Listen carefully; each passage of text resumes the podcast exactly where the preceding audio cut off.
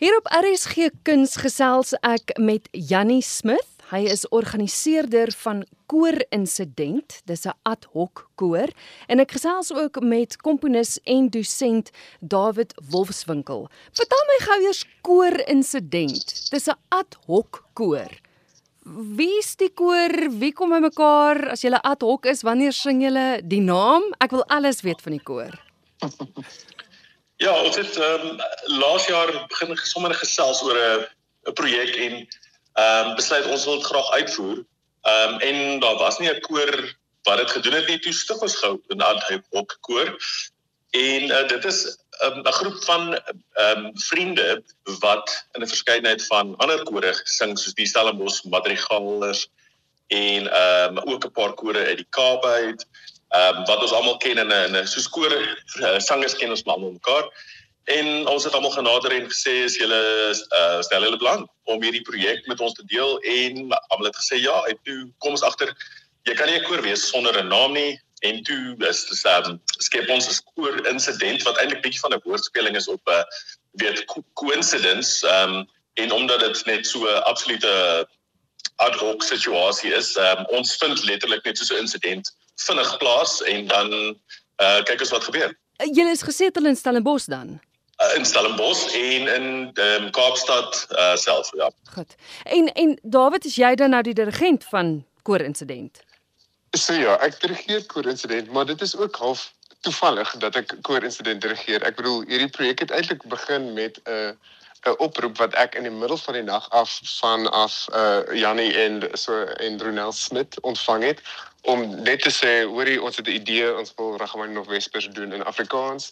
Is jy bereid om dit te dirigeer? Ek het al voorheen in Stellenbosch se uh, skoolkantoorum is die koor genaam saam met Jannie en of nie jy het nie in skool gesing nie nee Jannie Ek het uh, jare gelede, so so so jaar lank ja. Ek het voor bietjie voor my tyd, maar ja, ek het toe daar met Ronald gesing en hulle het my gebel, is jy bereid om dit te doen? Kom ons doen dit. Ek het die vorige oggend of die die ja, die volgende oggend toe weer weer teruggebel om te vra hoe dit gaan die Wespers eintlik gebeur. Ja, dit gaan eintlik gebeur en nou het ons 'n koor. dis juist waaroor ons wil gesels. Ek meen dis nie dikwels dat mens so 'n werk in Afrikaans hoor nie. Maar kom ons hmm. gesels eers oor die werk self. Dis Rachmaninoff in Afrikaans staan dit bekend as die Nagwaak. Vertel my van van die werk self. Waaruit bestaan dit?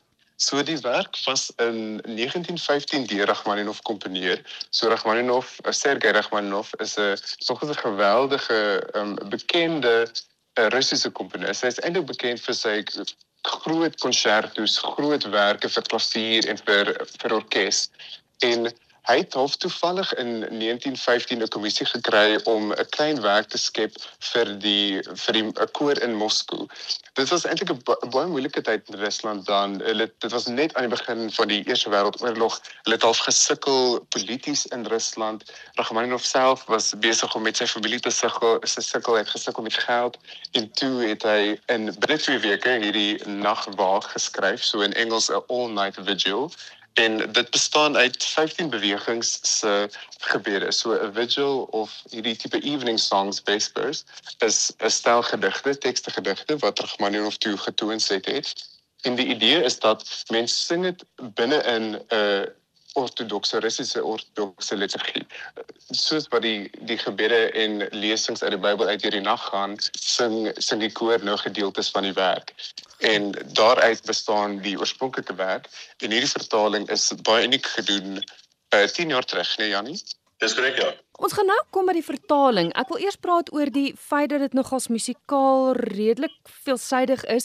Dit is hoofsaaklik vir vier stemme maar daar is tog sekere gedeeltes waar dit selfs agt stemmig is. Hoe hoe wie watter stemme is dan nou almal daarbey So dit is ja, dit is waar. Dit is ons baie moeilike werk om te sing vir 'n koor. Dit is bekend as 'n marathon. Dit is 'n 1 uur lank of tog langer werk wat die koor absoluut a cappella sing, so daar's geen begeleiding nie ja. en die hele koor sing dwars deur die werk. So dit is baie moeilik en alhoewel dit geskryf is vir net vier stemme, soos sopran, altenor, bas, is meeste van die ding eintlik in meerdere stemme geskryf. So op een punt is die koor eintlik in 12 verdeel Maar, Ja. maar ek ken net daai vier stemme. So watter watter stemme is daar dan nou nog? Skus, skus as dit 'n dom vraag is. Nee, glad nie. So wat gebeur is die sopran seksie verdeel dan in 3 of in 5 en so verdeel die die stemme in kleiner groepe. Goed. En daaruit kan mens eintlik enorme akkoorde en uh, veelsidige teksture uit die koor en uit sang uitskep. So 'n sopraan is 'n sopraan, maar die soprane sing drie verskillende goed byvoorbeeld. Verstaan ek Ja, reg? is- Okay, is goed. as dit presies dan sopran 1 2 3 4 Goed, of tenor 1 2 3 4. En daar's ook um twee solo sangers in die werk. So 'n solo alt en 'n solo 'n tenor wie baie helder uh, solos sing in ek dink drie van die bewegings. Daar is ook 'n um, geweldige lae basnote in hierdie stuk. Ehm um, dis die eerste keer in my lewe dat daar 'n bas 3 seksie is wat ek teekom in in 'n stuk musiek en dit is 'n spesiale groep van basse wat wat jy nie aldag kry nie wat 'n uh, geweldige lae note kan kan bykom. Maar eh, Jannie, vertel my gou van die vertaling want want soos Dawid nou gesê het, dis 10 jaar terug, 10 jaar gelede vertaal deur wie? Ja, ehm um, 10 jaar gelede in 2010 ehm um, het ehm um, Helene Dippenaar en uh Leon Staker dit vertaal vir die Procanto koor mm -hmm. en dit vir die eerste keer toe opgevoer. En dit is ook waar ek dit vir die eerste maal gesien het en besef het hierdie is 'n ongelooflike stuk werk en ek ek is beide 'n tweede was en ook 'n geweldige liefde vir Afrikaans. Um en so dit het altyd op my lysie nog gebly van 'n musiekstuk wat ek wil uitvoer. En uh, miskien ietsie oor Helene Dippenaar. Sy is geweldig uh goed in tale. Onder andere praat sy ook Russies en sy het ehm um, die werk sommer direk uit Russies na Afrikaans vertaal. Ja. Maar dit is vir my so fantasties want dit word nou toeganklik gemaak vir vir gehore. Nou vir die eerste keer gaan ons verstaan wat gesê word in die nagwaak. Hoekom moet luisteraars dit gaan kyk? Want kyk, dit gebeur nie gereeld nie. Ek weet julle het nou in Oktober een een vertoning gehad en ons praat nou die een wat nou in November plaasvind, maar hoekom is dit so spesiaal? Hoekom wil julle hê moet mense dit kom kyk? Ek dink daar's ons ehm um, uh, you know baie mense daar buite wat ehm um, wat hou van Rachmaninoff musiek omdat dit so dramaties is en ook uh, uh, uh, liefde het vir Afrikaans en is tog baie lekkerder as jy skielik hoor wat gesing word en iets wat baie mooi is en en die woorde in jou in jou moedertaal kan kan luister. Daarbey gesê dit is ook 'n geweldige unieke stuk. Ehm um, weet ons het gister gesels oor dat hierdie stuk is selfs ouer as Afrikaans, ehm um, as amptelike taal en en die kombinasie maak dat dit is so uniek dit dit mag dalk nie weer gehoor word nie behalwe as 'n ander koor ehm um, weet dit in die toekoms weer sal ehm um, uitvoer maar dit is 'n baie baie unieke stuk werk. Ehm um, so ek dink net daai faktor uh, maak dit 'n baie spesiale iets om by te woon. David van jou kant af? Net in terme van die musiek self, ek dink dit is absolute unieke werk in Rachmaninoff se se se, se opus. Hy het self geskryf dat dit is die werk waarop hy die trotsste is en hy wou eintlik hê dat die vierde beweging gesing moet word by sy begrafnis. Ja. So vir Rachmaninoff en ek dink ook vir die Russiese volk, um interessant genoeg is hierdie werk baie baie spesiaal. Dit is gebaseer op um Russiese ortodokse plain chant, so dis of die of Gregorian chants, dis die gelyk aan Gregorian chants. So daar is ongelooflike geskiedenis in die musiek self. Dis melodieë wie wat dekades oud is.